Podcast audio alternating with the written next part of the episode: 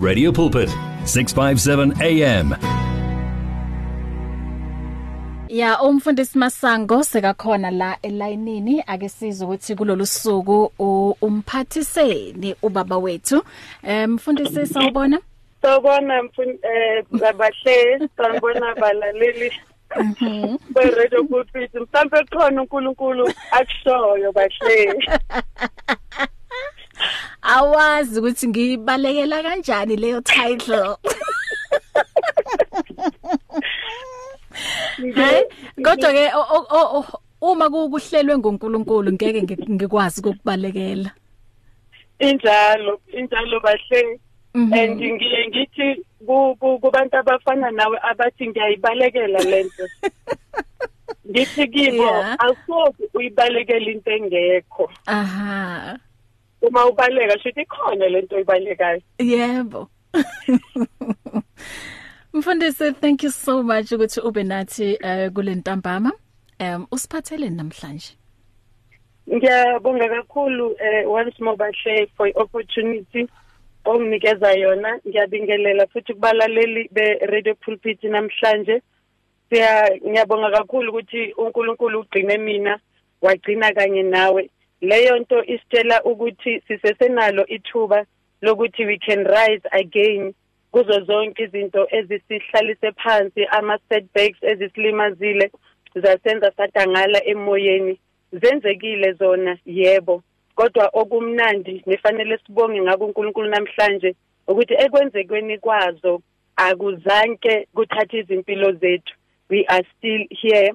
Ngamanye amezwi sisesene opportunity yokuthi uNkulunkulu angasiphakamisa futhi asibeke kule ndawo le eh, eh asidalela ukuthi si-operate kiyo futhi sesenethuba lokuthi achieve lezinto lezo sathana ngathanda ukuthi azisebenzise ukuze sibe discouraged.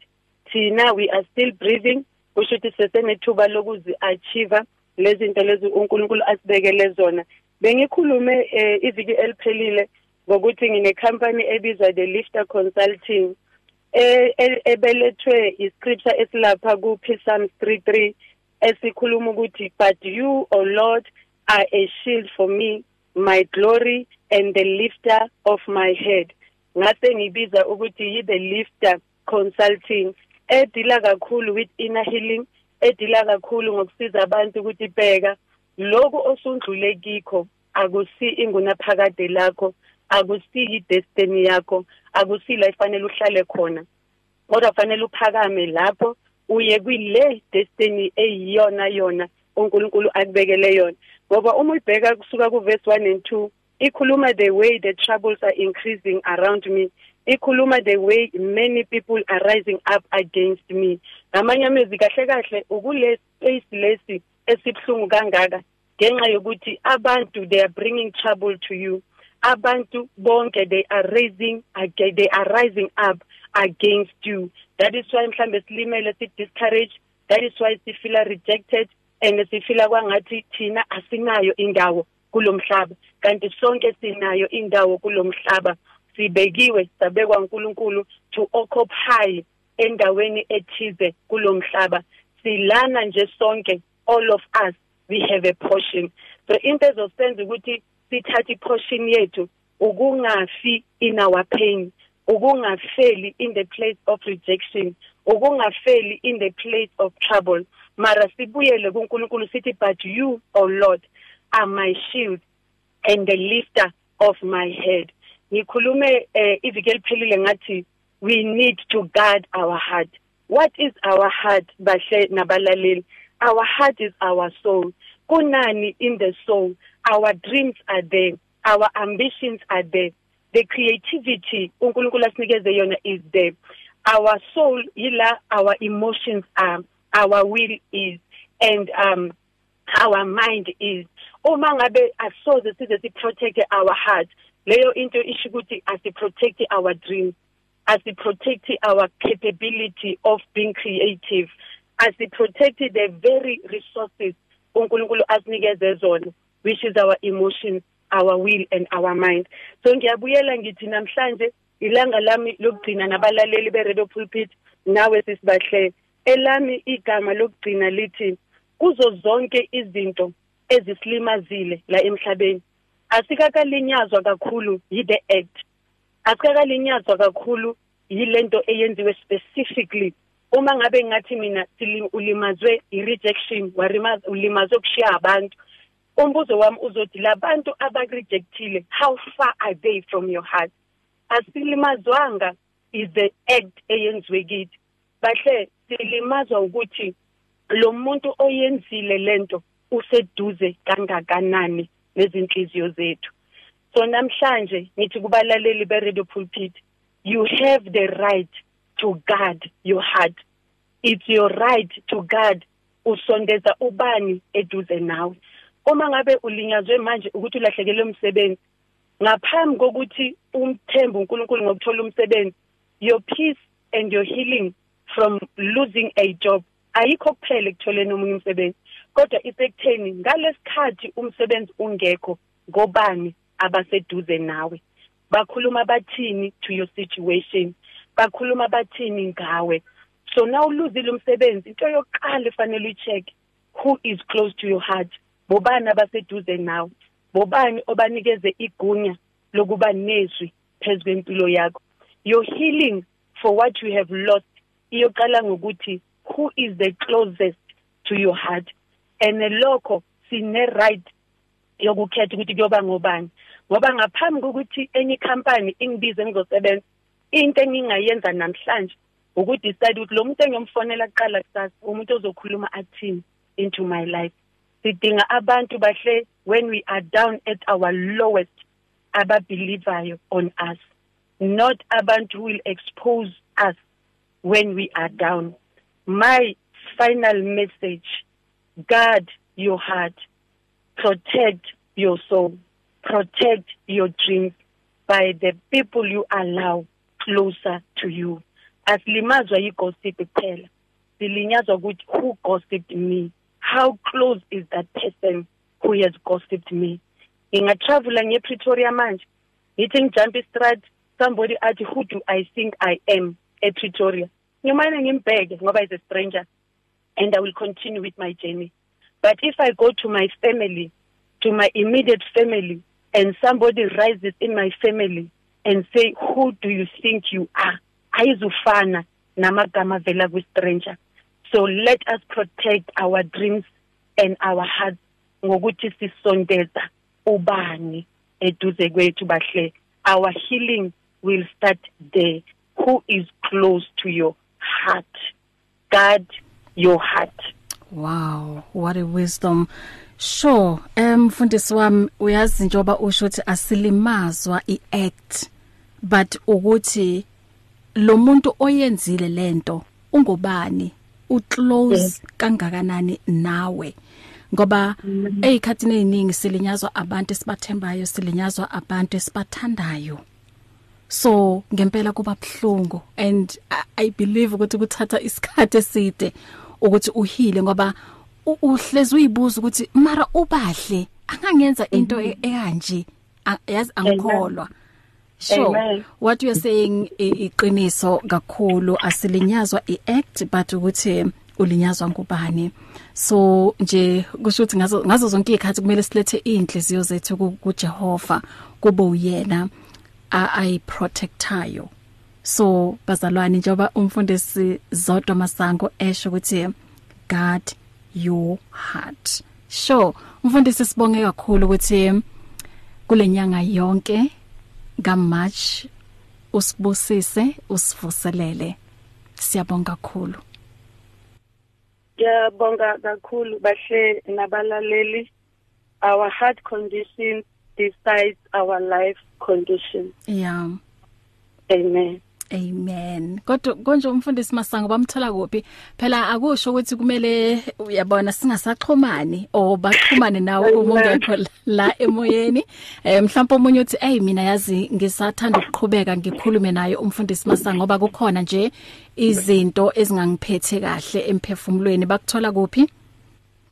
Bangangithola ku WhatsApp eh number is 078 566 86 13 ku Facebook eh ngikuzodwa masango Mhm. Um Instagram ku Instagram uzodwa_masango Mhm.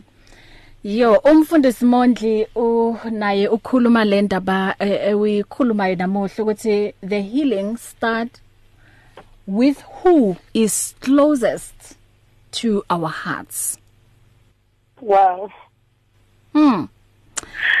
So it deep it deep kakhulu um mfundisi le ndaba obuyikhuluma namuhla. Ngiyazi ukuthi abaningi um uyazi nje kukhona izinto oyivusile kubona.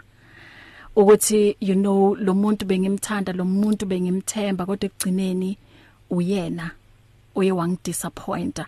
Ngiyacabanga ukuthi ebana izwi lihlakaniphile kakhulu ngoba izwi liyasho ukuthi ungabolibeka ithemba lakho kumuntu kodwa ulibeke kubani? kuJehova. Ngoba uyazi ukuthi izinto ezifana nalezi abantu bazozenza and then zizosilimaza kakhulu. And you know sometimes uma ulimele enhlizweni o mhlawumbe ulinyazwa abantu osonta nabo ulinyazwa umamfundisi ulinyazwe umfundisi you know labantu labo okade ubathemba ngeindaba zakho ubathemba futhi nangempilo yakho. So uma bezokulimaza uzo backslide uzothi hayi yabona ayikho nje lento ukuthi ngiye esontweni ngoba labantu laba ebengibathemba ibona abangidisappointile. So ngiyacabanga ukuthi kuba safe kakhulu uma ithemba lethu silibeka kuJehova. Asisho ukuthi umuntu ungamethembi like mhlawumbe uhlangana nomuntu already so so cabanga negative ngaye. Yebo umuntu ngamethemba kodwa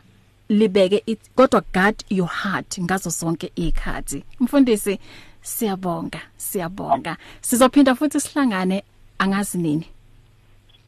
Amen. Amen.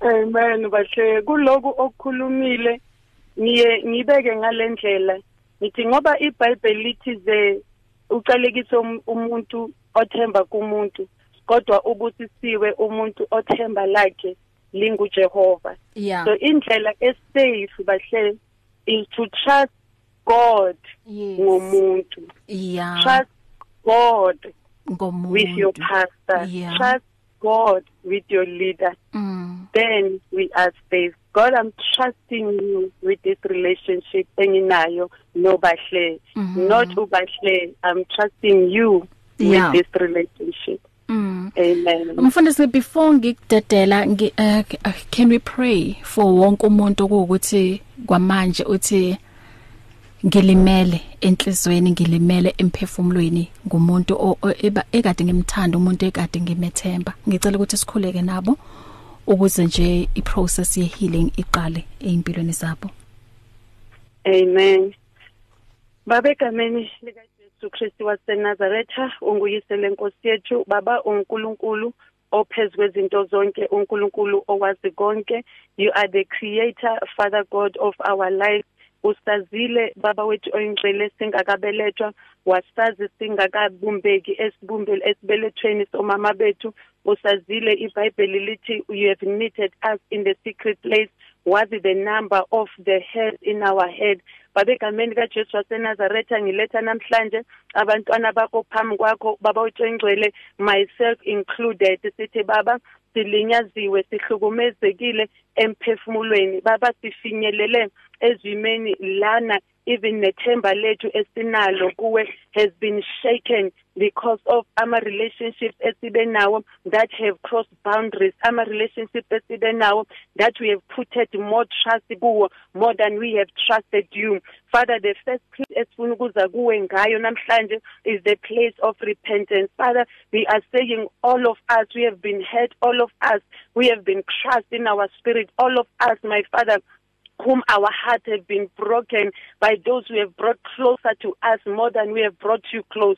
For those we have trusted more than we trusted you. First, Father God, we repent. We repent for putting our trust in a man. We repent, Father, for replacing your throne, Father God, your place in our hearts with men in the name of Jesus. And I ask, Father God, that each and every one of us, myself included, as we repent today for crowning men, Father God, with your crown of glory today, we repent and we ask that the blood of Jesus will wash us clean, my Father, for that transgression, Father God, of putting men in your place in the name of Jesus Christ. And now, Father, I ask that the blood of Jesus that was shed at the cross of Calvary igazi lachitheka esiphambanweni saseCalvary baba malehlele ezinhlizweni zethu malihlanze baba tshongcwele izinhliziyo zethu likhiphe ubuhlungu bonke likhiphe all the offense likhiphe all the resentment likhiphe all the grudges